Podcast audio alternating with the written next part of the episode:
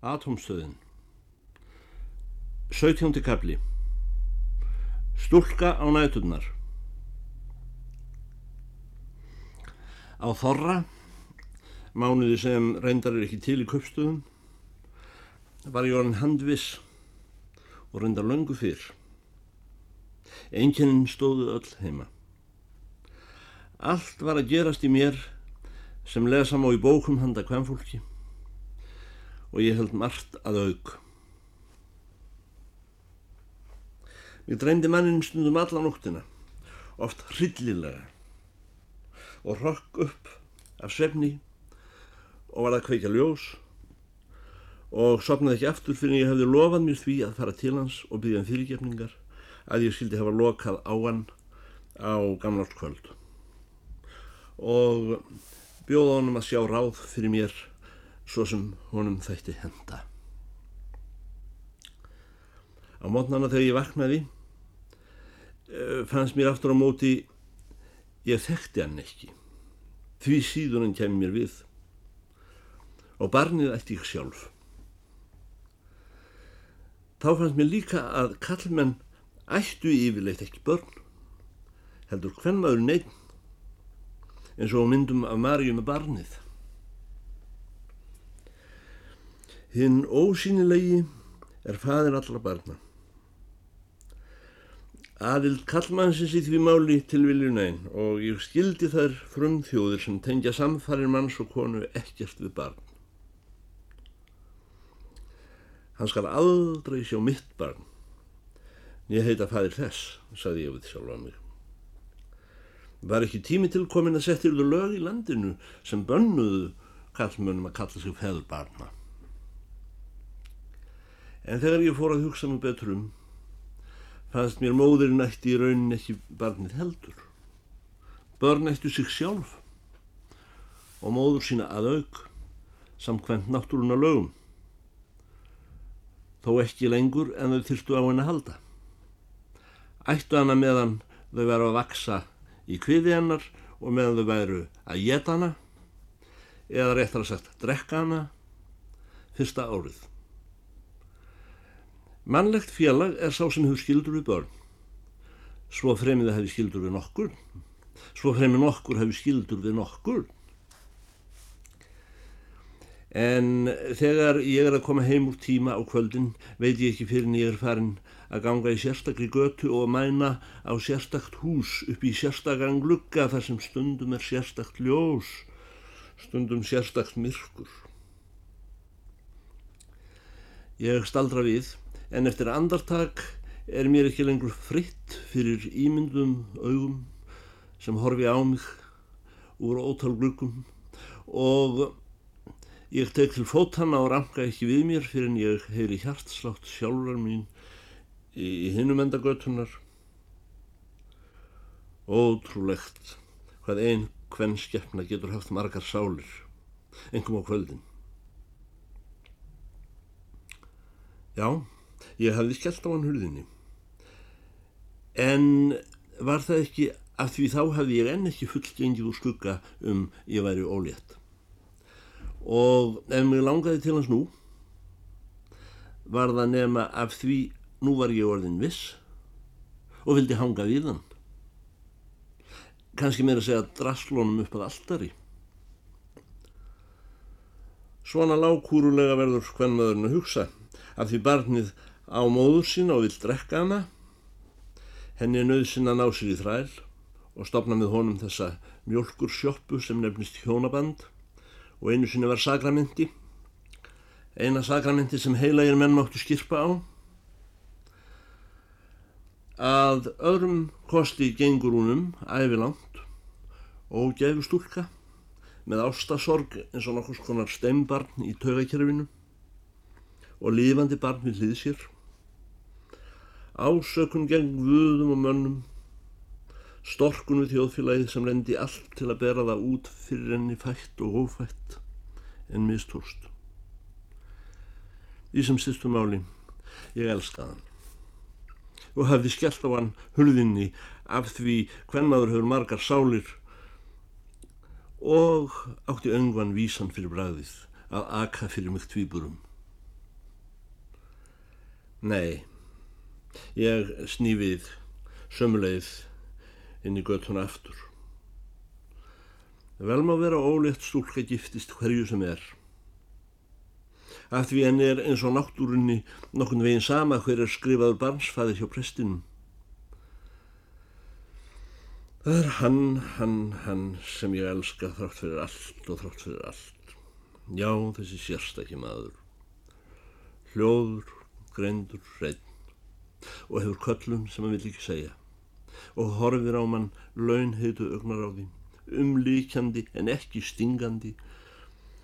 Svo aldrei verður dögt í kringum mann hvað sem hann þeir heldur finnur stúlka hann einan og öngvan annan í heilu samkvæmi.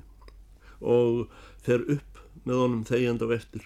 Og hann leggur hann í sang hjá sér án þess að sannfæra hana fyrst með því að tala yfir henni heila bladagrein ekkert sjálfsagðara og þegar ég lokaði á hann á gamláskvöld þá varðan eftir hjá mér og hann varði eftir hjá mér af því ég hefði ekki hlipt honum inn. Ef hann hefði reynd að sannfæra mig með rauksendum eða mýkja mig með bæn þá hefði ég kannski látið hann inn á endanum en hann hefði ekki orðið eftir hjá mér um leið og hann fór að morgni. Rauk hans hefðu í hæstalagi þvegið mér heilan. Og ef ég hitti hann nú myndi ég ekki með hálfu orði gefa honum í skyni og veri ólétt og allra síst mælast til þess að hann giftist mér. Heldur myndi ég segja við hann ég elska þig og þess vegna krefst ég einskís að þér. Eða ég elska þig og þess vegna vil ég ekki giftast þér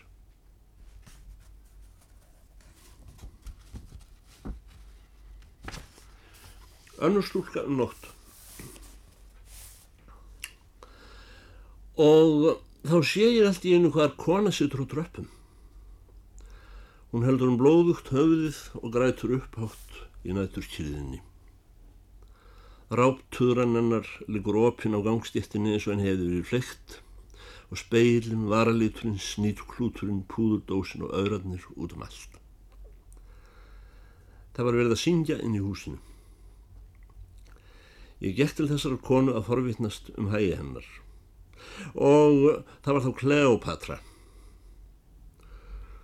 Þú skarphiðin Njálsson endurborinn, ekkert að venti að skæla, saði ég. Hjú, saði Kleopatra.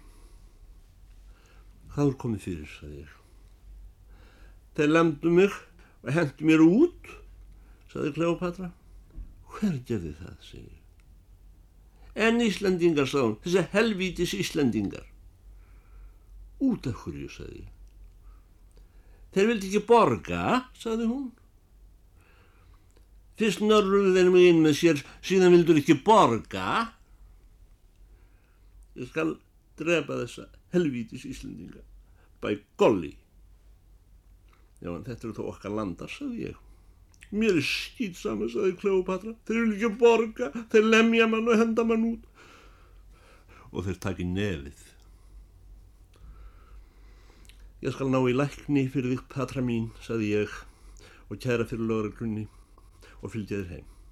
Nei, nei, nei, sagði hún, ekki lækni og ekki kæra fyrir lögreglunni og allra síst fylgja mér heim. Heim til organistans okkar, saði ég. Ég áhver ekki heima, saði hún og síst hjá honum, þó ég hef verið nætur gestur hjá honum óður hans í fjögur ára því hann er heilagur maður. Það var allt í lægi með að voru kanar. En nú er ekki nema fáinar eftirlegu kindur og allir hafa eitthvað fast. Svo ég er farin að harka eins og því ég var stelpa og farin að fara aftur inn með Íslendingum sem takk í nefið og lemja mann og vil ekki borga þessi helvítis eyði sandar og kátir voru kalla elsku blessaðir amerikanandi Jésús láttu að koma með atombombuna fljótt. Guð hjálpi ég Kleopatra sagði ég. Þannig myndi Skarpíðin Jálsson aldrei hafa talað og ekki einu sinni þó auksinn rimmugífur hefði staðið í miðju höfðin á honum. Ef ég hef ekki leifið til að vera sorri þá farið burt, sagði Kleopatra Hún hafði fengið blóðunæsur og glóðaröga. Það var dálítil svarta döðalikt af henni en hún var nokkurn veginn ódrukkin. hafði sennilega orðið afdrukkin við barsmíðina, aðeins dál til ríkull. Ég samlaði saman dótinu hennar hún í töðruna og fekk henni klútin hennar svo hún getið þurkað fyrir blóðið og óðara var klúturinn allur í blóði, minn klútur var líka blóður. Ég fór svolítið að hugsa og komst það til niðurstuða blóðið og tárin hjá þessari stúlku hefðu sömu efnasamsetningu og hjá öðrum stúlkum svo ég bauði henn að koma heim með mér og gista hjá mér. Hún margbað Guð og Jésús fyrir mér og ég veit í ykkur úrskupin. Því einmitt slíkt fólk eru þeir mestu Guðfræðingar sem sögur fara af. Og hún stóð upp og ég stóð upp og undir næsta ljóskeri tókum fram varalítinn sinn og speilin og málaði á sér varinnar. Og þessi verknaður hefði mig eins og stórfengileg siðferði stáð um hánótt í þessum vonda heimi. Svo ég bliðaðist mér hvað ég var lítil fjölumanniski. Hún sá eftir hvað hún hefði verið fyrirhyggjulös í kannabisnisinum. Að fá sér ekki almennlegt húsnæði Svona maður, var maður vittlust, maður vonaði stríði myndi standa eiliflega og þeir voru alltaf að hafa partíin í þessum fínu bröggum með kósi hornum og fansi ljósum. Það var nú lífið líf, gí maður. Hún hafði byrjað með platt ofursta, millir hafnarfjörðar og reykjavíkur og enda með ekta ofursta, gráherðum, sykursjúkum. Hún hafði verið í kanavislu með forsættisráðherranum því Ameríkumenn eru frjálsin menn að þeir hafa atombombu og gera ekki mun á forsættisráðara og stúlku. Ofurstinn gaf henni rauða kápu og hvítar bomsur og barða stóra hættin svo maður verður að skjá, skjóta sér út um dýr og peninga auðvitað eins og skýtnaður. Goss! Hann hafði lofað að sætja hana þegar konunans væri dáinn en nú var hann sjálfur dáinn, hann þóldi ekki fríðin, líklega hafði konuna strepið hann því hún var ung. Og þá fór Kleopatra aftur að gráta, hún hafði orðið fyrir sorg sem var að öllu leiti efnafræðilega rétt.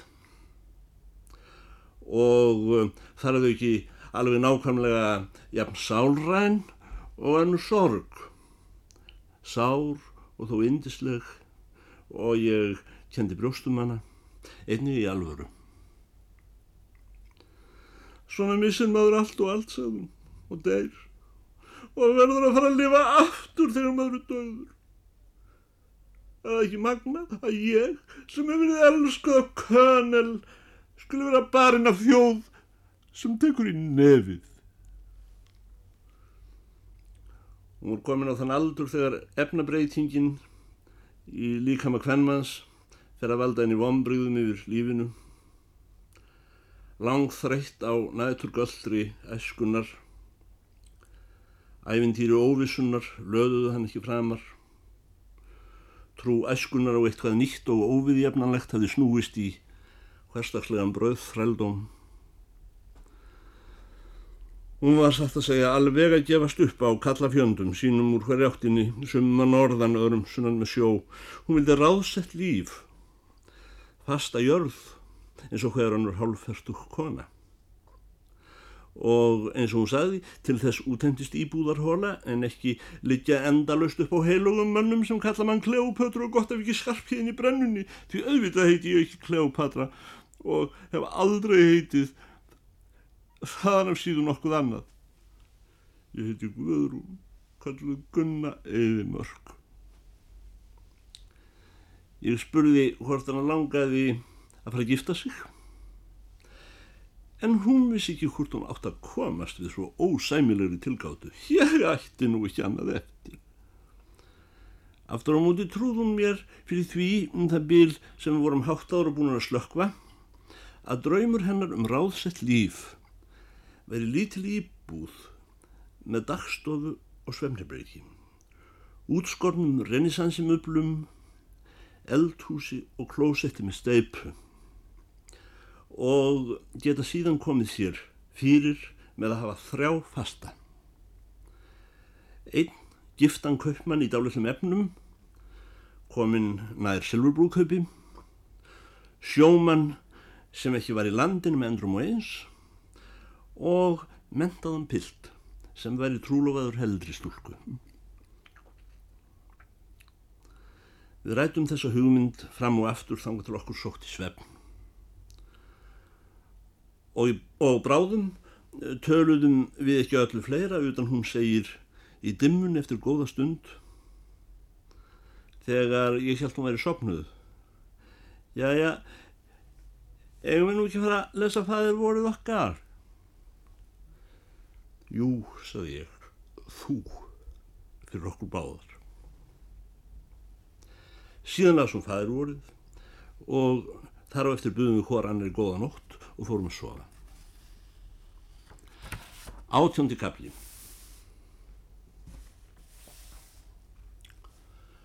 Sómamaður bak við hús. Þó nýmóðins rítöfundar segi það hafi vonda áhrif á börn að vakka þeim. Þá er ég allt í einu verðin að taka eftir ef eitthvað stendur í blæðinu um vöggu, þó ekki sínum að vakka til kaups. Og nú segir að það hefur verið felt í bæjarstjórninni gegn aðhverðum kommunista að hafa vöggustofum. Kona í gæsalöpum skrifaði blöðin og sagði það myndi auka á lausaleiki landinu ef slíka stopnannir veru styrktar af almannafjö, réttar vöggustofur veru heimili Sankristins Hóls og annara sem aðhyltust góða síðu. Ég spyr, hvers vegna á að hafa vöggustofu aðeins fyrir börn Sankristins Hóls og þeirra sem hafa góða síðu? Akkur má ekki hafa vöggustofa handa börnum ósang Kristins fólks með vonda síðu eins og ég. Við lifum í þjóðfélagi þeirra sem eiga aðeins eina ósk, heitari en hjúkra ríkum börnum. Og hún er svo að drepa fátækbörn, saði kommunistinn. Fyrir fáeinum mannsöldurum voru þér ríkus og sterkir hérna þó þeir væru þá enn lúsugir að rúmur helmingur allra barna á Íslandi dó. Ef alþýðan hefði engin samtök, myndu fátæk börn degja enn og ef við heldum ekki áfram með efla þessi samtök, myndu þeir ríku refsa fátækum foreldrum og börnum þeirra með beinum atgjörlum í Jésúnafni, húðláti og drekkingu alveg eins og áður fyrr baráttan gegn vöggustofu handa fátækum börnum, börnum fátækra meðra, segir fullvel hug þeirra. Þá vantar ekkert með lúsina til að vera samir og dögum stóradóms. Ég spurði bröðsölustúlkuna vinu hans, hvað myndir þú gera að þú ættir krakka? Allt í einu var bróðstúlkunar horfið, en sjáaldurinn stakkuðu í einum svip og hún horfi spyrjandi á kommunistan sinn. Þið rót að segja henni það, saði hann. Kona baðum rúbröð og stúlka um rjómaköku, síðan var búðin tóm.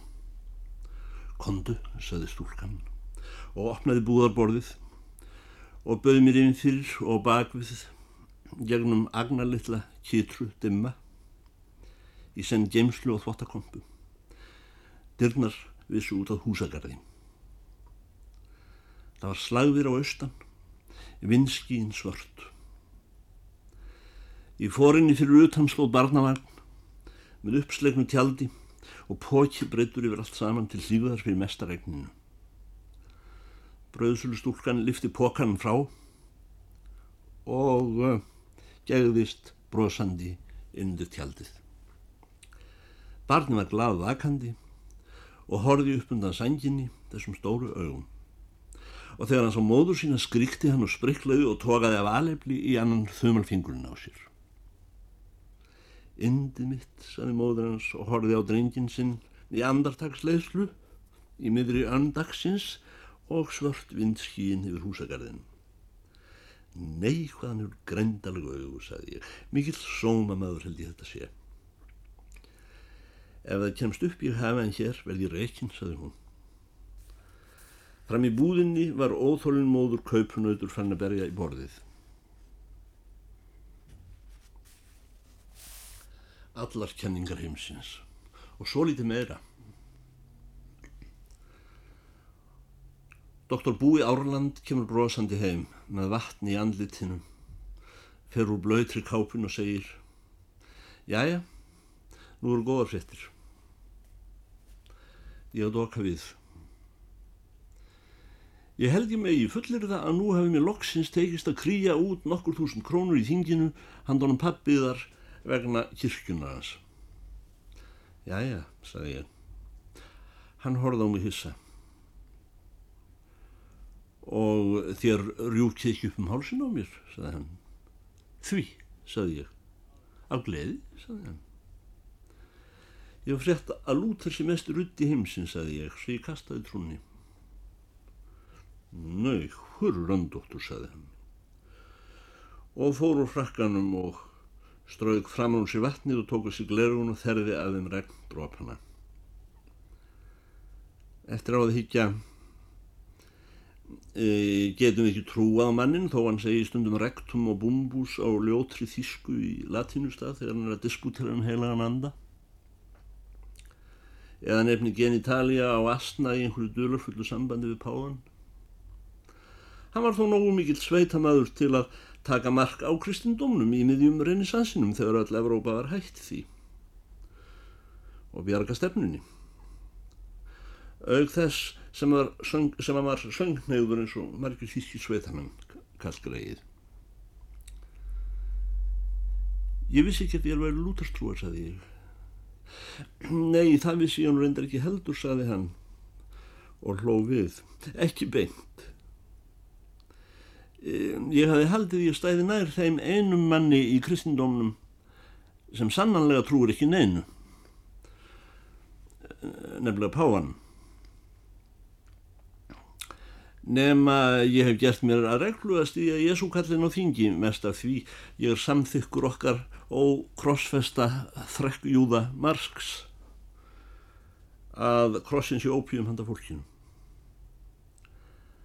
með öðrum orðum þér við efnisíkjum að þess að ég Nei, hvað er langt síðan ég hef það orð í þessari merkingu, saði hann Við í hagfræðinu höfum orðin nefnilega í dálítið annari merkingu en úr því þér hefði spurt mig í reynskilni um mína trúarjáttningu þá eh, skal ég svariður eins og því spyrjið.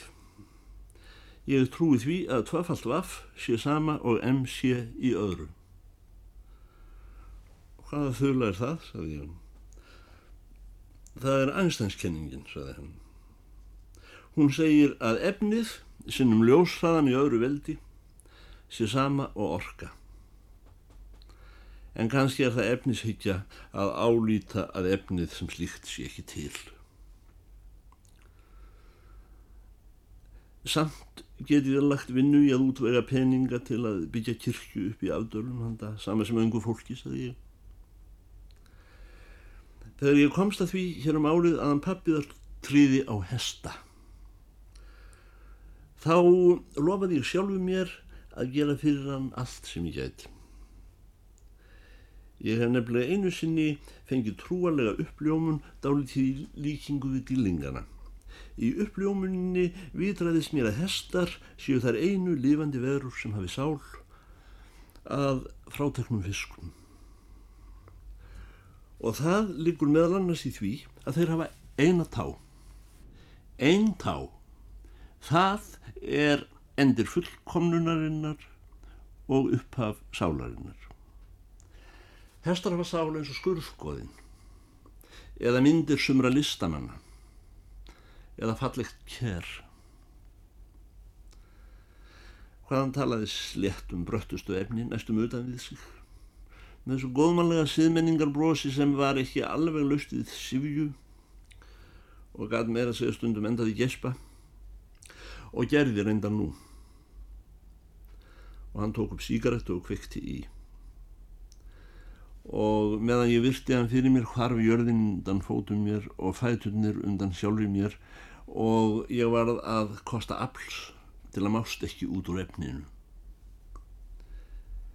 Ég herti mig upp og sagði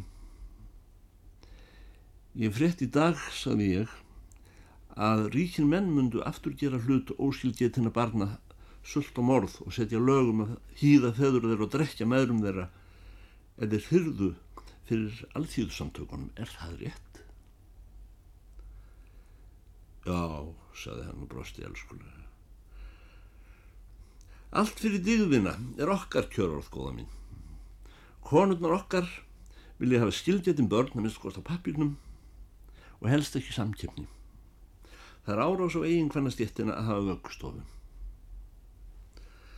Mér langar svo að leggja fyrir auðvitað spurningu, saði ég. Ég vildi ég vissi allt sem ég spyrði, saði hann. Ég spurði. Er hægt að vera auðvald sinni ef maður sér kornabarn í slagviðri baktir að megin við hús? Þetta er erfið spurning, saði hann og klóraði sér bak við eirað. Ég held ég sé ekki komið nógu langt til að geta svarað henni. Að minnstakosti þarf ég fyrst að ganga bak við hús. Akkurju vill ekki alþengi og bæjarstjórn að mín börn hafi vöggustofu eins og yðar börn? Eru ekki mín börn efnafræðilega og lífelðisfræðilega jafn góð og yðar börn? Og akkurju megum við ekki hafa þjóðfélag sem sé hagkvæmt fyrir minn börn jæmt og íðar börn. Hann kom alveg til mín og lagði höndina á nakkan á mér undir hárinu og spurði Hvað hefur komið fyrir fjallugluna okkar? Ekkert, sagði ég og laut höfði. Jú, sagði hann, þér eru farin að hugsa allt í dálitlum ring sem þér getur ekki brotist út úr. Hvað leitar áviður og ágerist með hverjum degi? Ég er að fara tuldraði ég honni bann minn hann spurði hvert og hvern er burt strax sagði ég hljóði. Í, í kvöld spurði hann í þessu ylvið þér hefur greitt atkvæða mútið mér og ég á hverki heima, sagði ég, og síðan sagði ég honum hvar komið var fyrir mér. Og snýri mér undan. Og hann hætti að brosa og það var þögn. Að lokum spurði hann e, þykir yfir vendum mannin og ég svari nei, jú ég veit það ekki. Hann spurði þykir honum vendum yfir Ég hef ekki spurt hann, sagði ég. Viljið ég giftast, spurði hann. En ég gæti ekki ansað slíkri fjárstæðu með öðru en hrista höfuðið. Er hann blankur, spurði hann. Get ég nokkuð gert fyrir ykkur? Ég snýri mér að honum, aftur, og leita á hann og sagði Nú hef ég sagt yfir það sem ég hef ekki einu sinni sagt honum og meira get ég ekki. Má ég þá ekki spyrja neins frekara? Ég veit ekki eins og hver maðurinn er, sagði ég. Svo það er gagslust að spyrja. Ég er slúlka. Það er alltaf sund. Og þér hafi greitt atkvæði á móti mér. Ætti ég ekki gamla bláfátæka foreldra norður í landi myndi barni mitt fæðast sekur skóarmæður eins og stendur í fótsögunum óferjandi, óalandi og óráðandi öllum bjargráðum. Hann horfið á mig spyrjandi alltaf því smekur eins og hann segja hættu sem hann hefði lengi óttast úr fjarska berast nær. Og endur tók í spurnarformi dálítið fánalega það sem ég hefði sagt á þann greiti ég atkvæði á móti yður og var komin með nöglina á öðrum þumalfingrinum millir tanna sér. En þegar ég ætlaði að ganga burt kom hann á eftir mér og sagði verð ekki áhyggjufull til getið fengið hjá mér alla þá peninga sem þið viljið, hús, vöggustofu, allt. Þér greiðið atkvæði ofnbellega gegn því að ég og mín líkar heitum menn en viljið gera mig betlarriðar í laumi. Hvers vegna í laumi, sagði hann, milli yðar og mín er ekkert í laumi. Nei, nú fyrir ég og á mitt barn, fyrir mína peninga, sagði ég. Allt heldur hann taka leinilega við peningum um manni. Ég var ekki fyrr komin upp til mín en hann var komin á eftir mér. Hann opnaði mér að segja inn til mín á þess að drepa á dýr áðan hefði strykkað dálitið á honum andartak. Um stund hefði eftir verið á honum komið að verja málstað gegn mér í alvöru. En nú hefði slaknað á honum og hann var afturmildur og látlaus með þennan innlægnisvip sem stundum gerði hann barnslegri en börnina hans